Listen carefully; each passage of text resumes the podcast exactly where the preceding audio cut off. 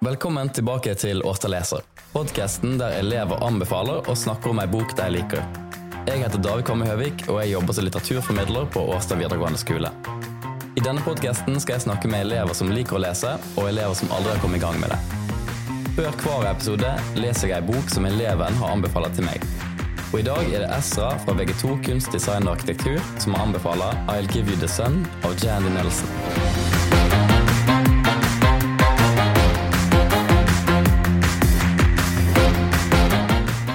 Velkommen, Ezra. Hei, hei. Først må jeg si gratulerer med å publisere første episode av Årstad melder. Tusen takk for det. For de som ikke vet det, så er Årstad melder søsterpodden til Årstad leser, og den er 100 elevstyrt. Elevene som er med i podkasten, anbefaler alt fra arkitektur til teater, og Ezra var med som programleder i første episode. Og Ezra, hvordan syns du det var å anmelde kultur? Det var veldig gøy, for når du da ser på disse forestillingene og sånt, så får du litt mer eh, betydning. Eller du legger litt mer merke til ting, da, for du vet at du skal snakke om det etterpå.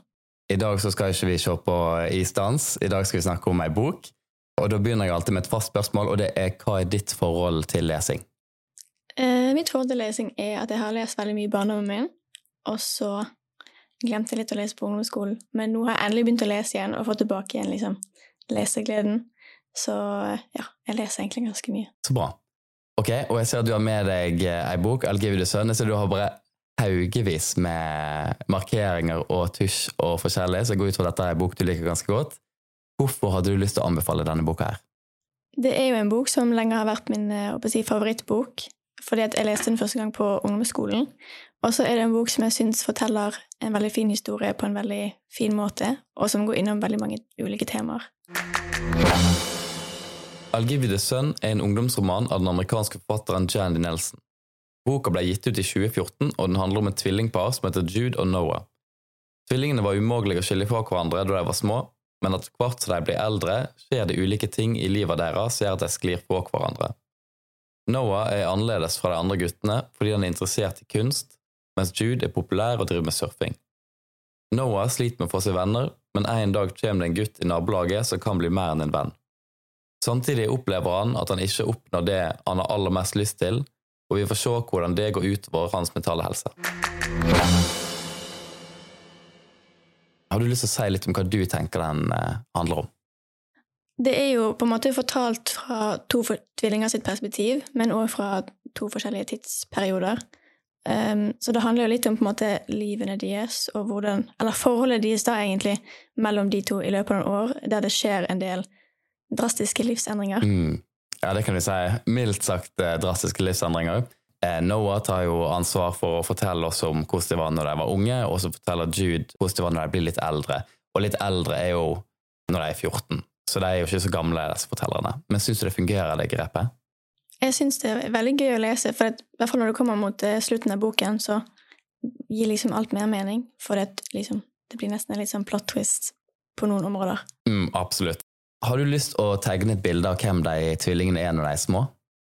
Ja, du har jo Noah, som er den ene tvillingen. Han er veldig sånn sjenert inni sitt eget hode, og begge to er veldig opptatt av kunst, fordi de kommer fra en kunstnerisk familie, eller der moren er en kunstner. Og så har du søsteren, eller tvillingsøsteren, som er Jude, som eh, når de var yngre, var veldig mer, eller mye mer sosial og hadde liksom masse venner og var veldig sånn populær. Man skulle jo tro at um, de følger en viss utvikling, der hun blir kulere og kulere, og han blir rarere og rarere, men det er ikke det som skjer. Kan du si litt om hva forandring de opplever? Det som skjer, er jo at vi plutselig nesten har de byttet roller, der Noah har blitt den populære som henger med folk.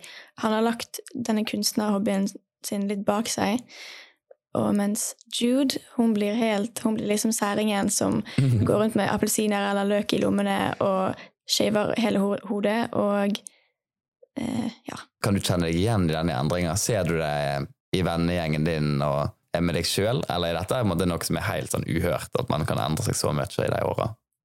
Det det er litt Eller sånn, jeg syns det er interessant hvordan de har byttet roller. Mm. Det, det, kan ikke jeg akkurat kjenne meg, kjenne meg igjen i, men jeg kan kjenne meg igjen i at du plutselig får en litt ny personlighet da, i de mm. årene. De snakker masse dritt til hverandre, de lyver til hverandre, og de liker til foreldrene sine.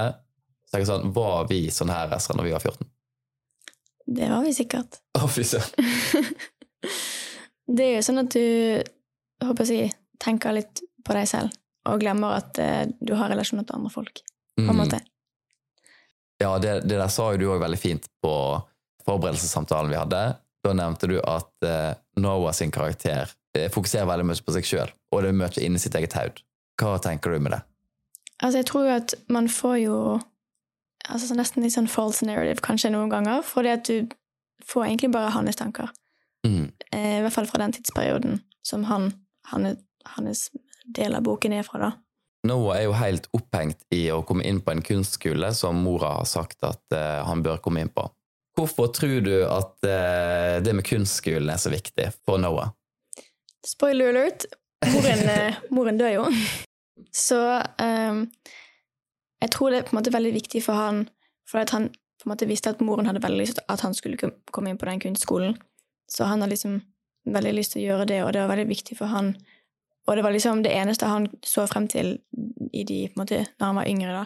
At liksom endelig skal jeg slippe ut av denne irriterende skolen med liksom sånn For han blir jo mobbet av eldre gutter og sånt.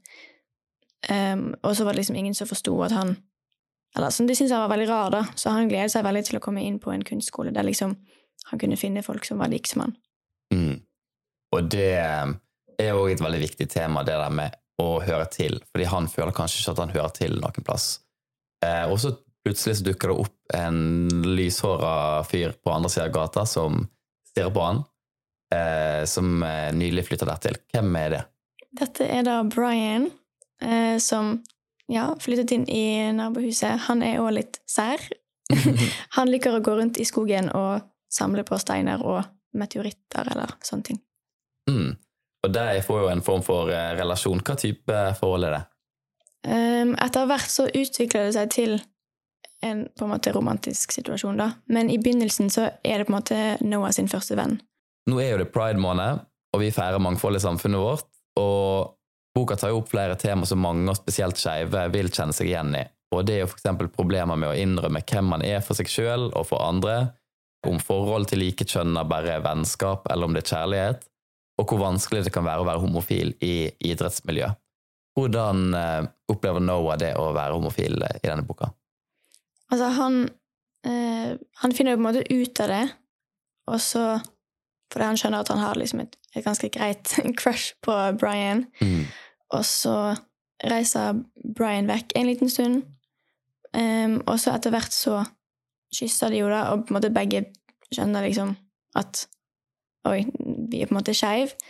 Um, men Noah sier det vel aldri til noen. Eller moren eh, håper jeg å si, går jo inn Mm. en gang mens de kysser. Og da friker jo på en måte Brian helt ut, da. Og så vet jeg ikke om Noah i utgangspunktet er så Han er på en måte veldig stille uansett, så det er ikke sånn at han på en måte nødvendigvis prøver å holde det hemmelig, men jeg tror ikke han har lyst til å si det til noen heller. Mm. Men jeg tror akkurat det setter litt sånn noe i han, fordi at han det, Jeg føler det er litt en del av det som fører til den største endringen i hans personlighet. da. For at litt etter det så plutselig begynner han å være sammen med jenter og skal plutselig være sånn surfegutt, han òg. Mm. Jeg tenker du det at jeg ble tatt? Ja, fordi Ja. at uh, Brian friker jo helt ut, og på en måte De håper jeg, slår jo opp, da. De var aldri sammen, men liksom sånn bare mista kontakten helt. Og så etter hvert flytta jo Brian igjen, og de mista liksom helt kontakten. Mm. Ikke nødvendigvis etter akkurat det, for det skjer jo litt andre ting, men jeg tror det setter noe i han som gjør at han Den ene personen som liksom egentlig forsto han og liksom endelig likte han for den som han var, greier plutselig ikke det lenger. De etablerer jo det ganske tidlig òg, eh, med at Brian sier at de ikke kan si til noe som helst at de er homofile, fordi da kommer han til å miste scholarship. Fordi han er jo en veldig lovende baseballspiller, og så vet vi jo både fra i denne boka, men òg i virkelig liv, at det er kjempevanskelig å være skeiv i idrettsmiljøet, og det er veldig få offentlige eh, sportspersoner på høyt nivå. Har du forståelse for det at Brian ikke har lyst til å si det offentlig at han er homofil? Jeg skjønner det absolutt. Sånn, det gir jo mye mening, for det, det er jo akkurat sånn som du sier, man mister jo muligheter, og folk tar det mindre seriøst, og liksom sånn sånne ting. Så jeg skjønner jo at han øh, føler at han ikke kan sette en, en karriere, da, en mulighet til å ha en ordentlig karriere på spill. For en liksom sånn teenage romance, hvis man kan kalle det det. da. Den tar jo opp eh, temaet med homofili, men når vi snakka i lag før eh, vi hadde eh, begynt med innspillinga, så nevnte du at du ikke ser på det som en skeiv bok. Hva mener du med det? Altså, Jeg syns at det bare er en del av historien, og ikke liksom hovedfokuset, sånn som mange sånne coming of age, uh, queer-bøker, liksom, der det ofte er hovedtemaet. Fordi denne boken handler om så mye annet, og så er det òg skrevet fra to forskjellige perspektiv. Så jeg føler bare at det er en del av Noah sin karakter at han er skeiv, eller at han finner ut at han er skeiv, og den prosessen med det, men det er liksom ikke det det handler om i hovedsak, Mm. på en måte.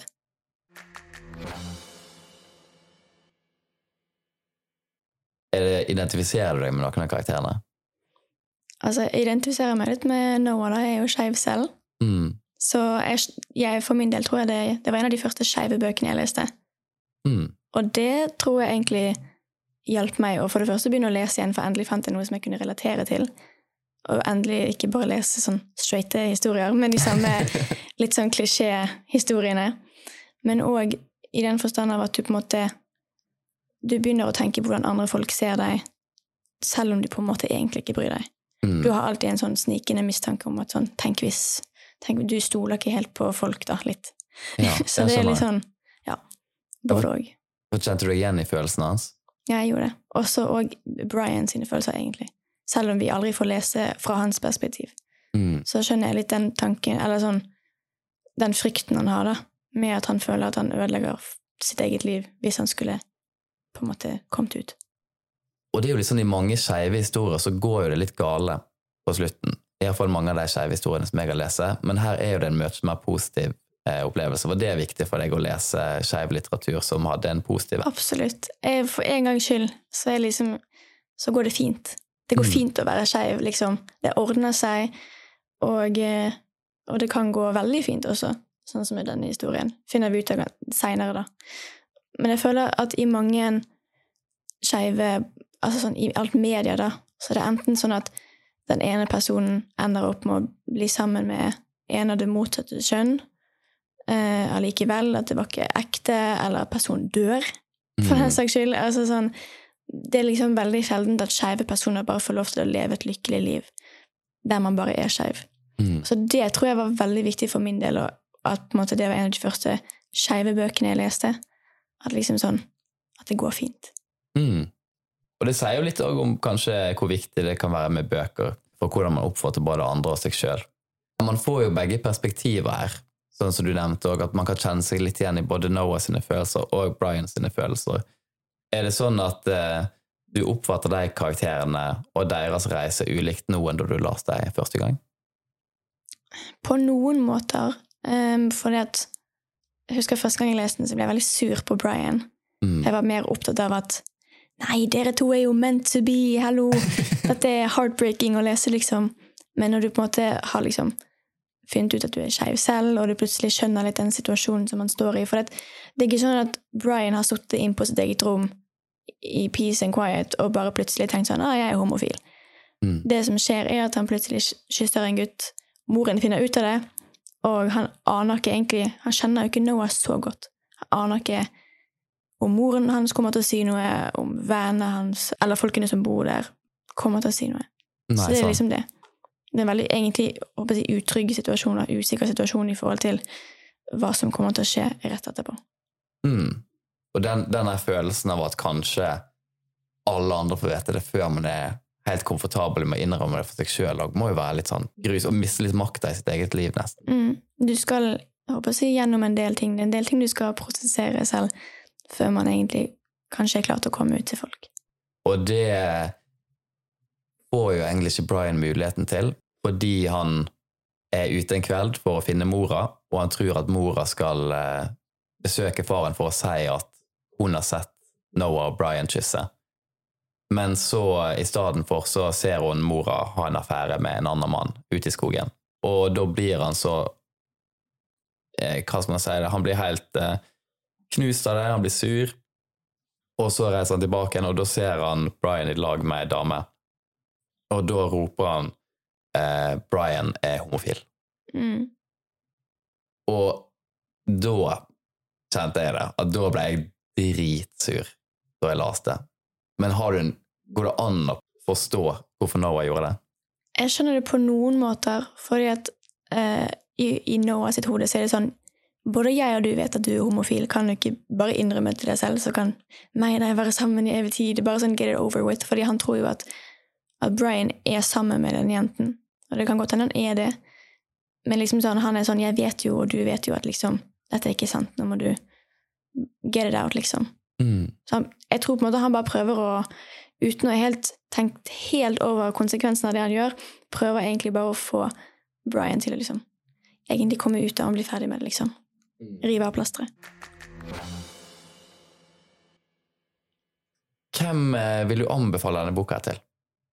Altså, jeg vil jo anbefale den til egentlig eh, ungdom generelt. Jeg leser den når jeg gikk på ungdomsskolen i sånn åttende klasse, eller kanskje barneskolen syvende. Litt usikker. Um, og det er en bok som i hvert fall jeg syns var veldig sånn innflytelsesrik for min del. For det var mange temaer som sagt, som de snakket om. Sant? Det handler ikke om noe spesielt. Det er en veldig sånn bok der det egentlig ikke skjer så mye. Det bare handler om livene deres. Mm. Så jeg vil jo anbefale den til ungdom, men jeg vil også anbefale den til egentlig voksne òg. Fordi man kan få inntrykk av hvordan det er å være ungdom, en skeiv ungdom, eh, hvordan ungdommer går gjennom sorg og liksom sånn tap av folk som man kjenner. Mm. Tror du at du har endra deg mye siden første gang du leste den? Det tror jeg. Eh, påvirker det også hvordan du leser boka? Altså, når jeg har lest den i ettertid, så føler jeg at på måte, måten den er skrevet på, er sikkert ment for yngre lesere, til en viss grad. Men jeg syns jo òg at jeg ser på den fra et mer jeg vet ikke om jeg skal si voksent perspektiv. Jeg vil ikke si at jeg er så veldig voksen, da, men eh, du får liksom også litt mer forståelse for noen av de tingene som de gjør. Mm. Og så ser du eh, relasjonene deres på en litt annen måte også. Ja, hvordan da?